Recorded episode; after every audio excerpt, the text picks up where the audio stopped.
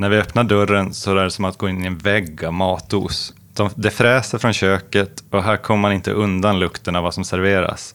Man anar att det är både fet och rejäl mat som snart kommer ligga på våra tallrikar.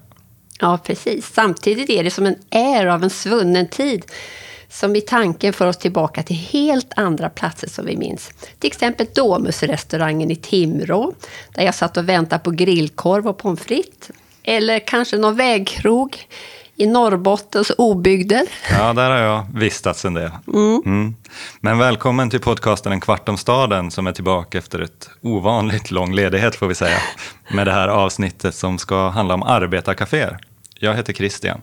Och jag heter Ylva.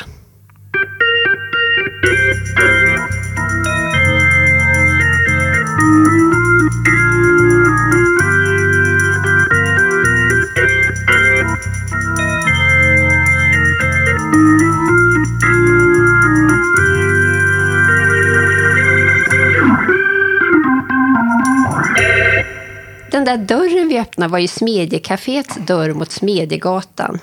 Men innan vi återvänder in i minnet av oset där kanske vi ska börja med att försöka bena ut vad ett arbetarkafé är för någonting. Ja, det är ju inte helt solklart, det får vi säga. Eh, men vi kan försöka bena ut det här. I det vi har läst inför det här avsnittet så framträder fyra parametrar. Kan du gissa någon av dem, Ylva? Ja, men nu är det ju kanske inte 10 000 kronors fråga. Men vi kan väl pröva med maten kanske? Och vilka det är som kommer dit. Yes, du är rätt ute.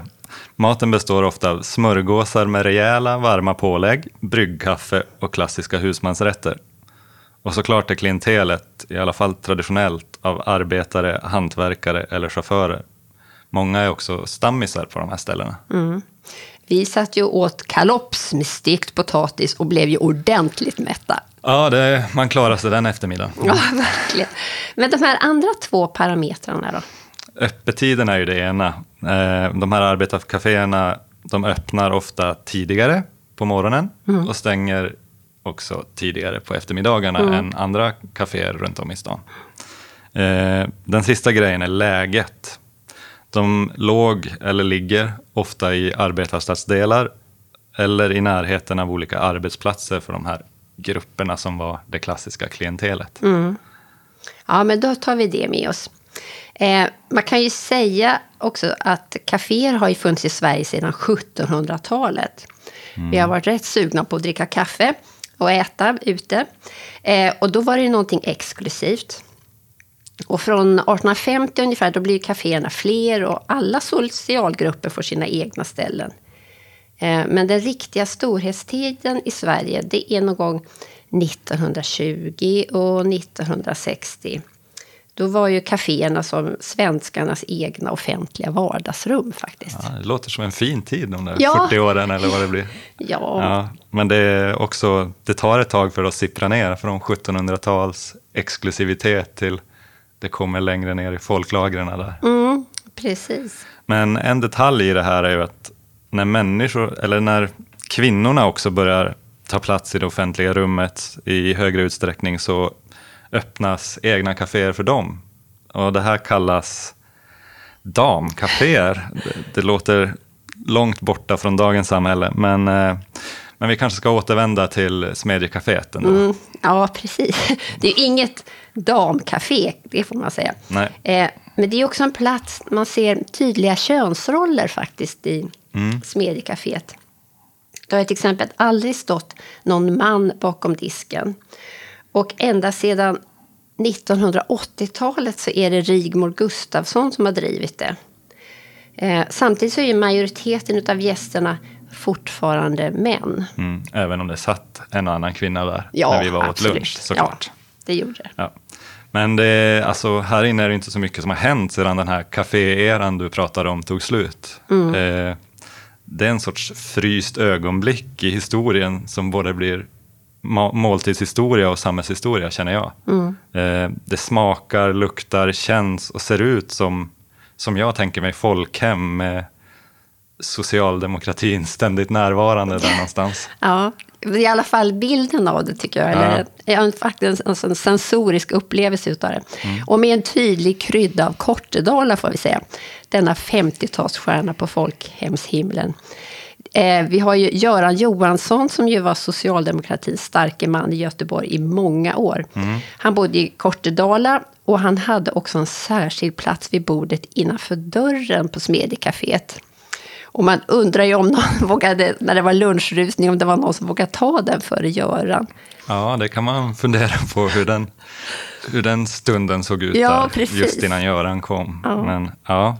Men eh, kaféernas omgivning har ju förändrats här vid Smedjecaféet som också på andra ställen. Mm. Eh, borta är ju de här många arbetsplatserna för klassiska arbetaryrken. Eh, och därför är ju klientelet inte heller detsamma som det kanske var under den här storhetstiden. Fortfarande en del arbetare vid vårt besök, ja. Men också många tjänstemän på lunchrast som du och jag, Ylva. Ja. Mm. Eh, och en del äldre sällskap som jag tror är här för de milda smakerna och sallad på kinakål. Ja. Jo, men det tror jag också, att det finns en, någon, en slags hemkänsla med den här maten. Ja.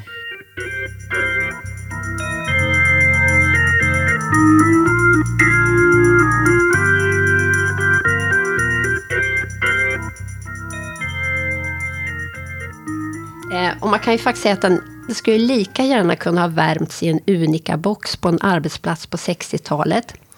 Den är brun och det finns inga vegetariska alternativ. Och så smakar det kryddpeppar som ju är nästan K-märkt krydda.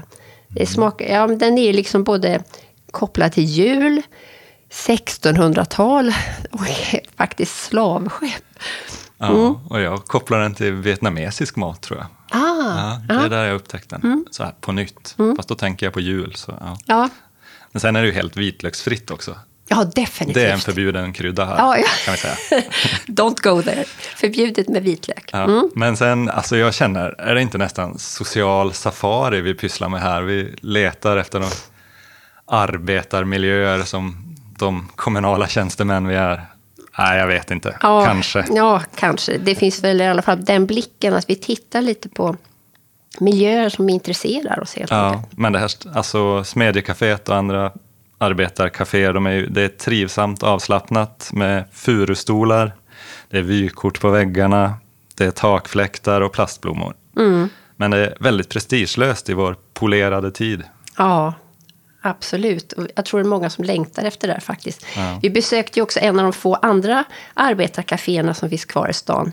Som heter Café Skogen som har legat i samma lokal på Slottsskogsgatan sedan 20-talet. Eh, det är några bord i ett litet rum och så är det ett kök som nog har sett likadant ut som köken i lägenheterna ovanför. Det här mm. ligger liksom i bottenvåningen. Då. Ja, det är ett vanligt lägenhetshus, vanligt mm. landshövdingehus. Ja, ja absolut. Eh, och eh, här stod ju också smörgåsar och kaffe i centrum. Det kan vi verkligen säga. Herregud vad stora de var. Eh, alltså jag tror jag fyllde min årsranson av bacon vid här, den här frukosten vi hade där. Ja. Men jag återupptäckte också pressgurkan.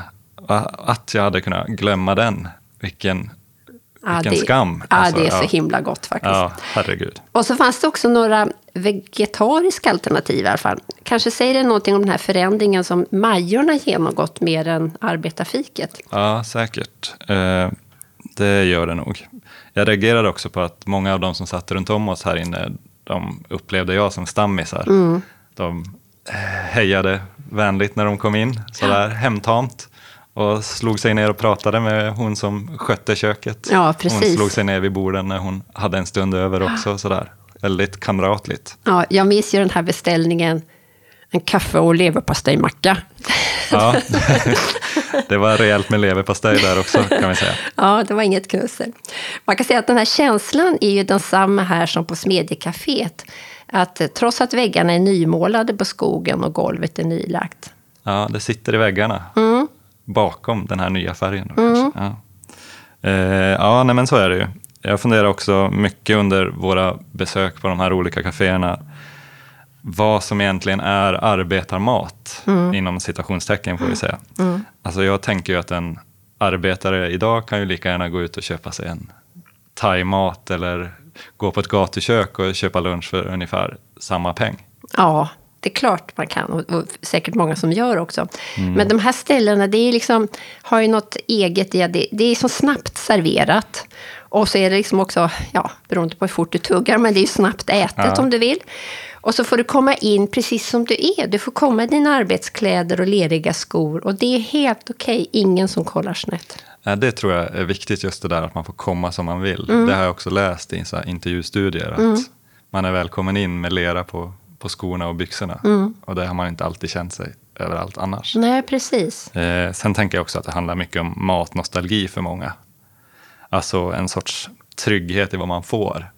Om man är vitlökshatare så vet man att det kommer ingen vitlök på tallriken här. Ja, nej precis. Det är och bra man att veta. känner igen mm. kryddorna och mm. på något sätt kan känna sig trygg i det. Mm. Men vad tror du om framtiden för den här typen av kaféer? De blir ju faktiskt färre och färre, trots allt. Ja, vi lyssnade på Meny i P1 som lyfter fram hipsterkulturen som en möjlig räddare för de här miljöerna.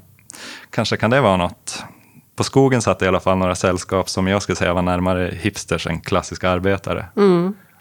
Om man nu ska bedöma folk sådär bara. Ja, precis. Bara utifrån hur de ser ut. Ja, men precis. Mm.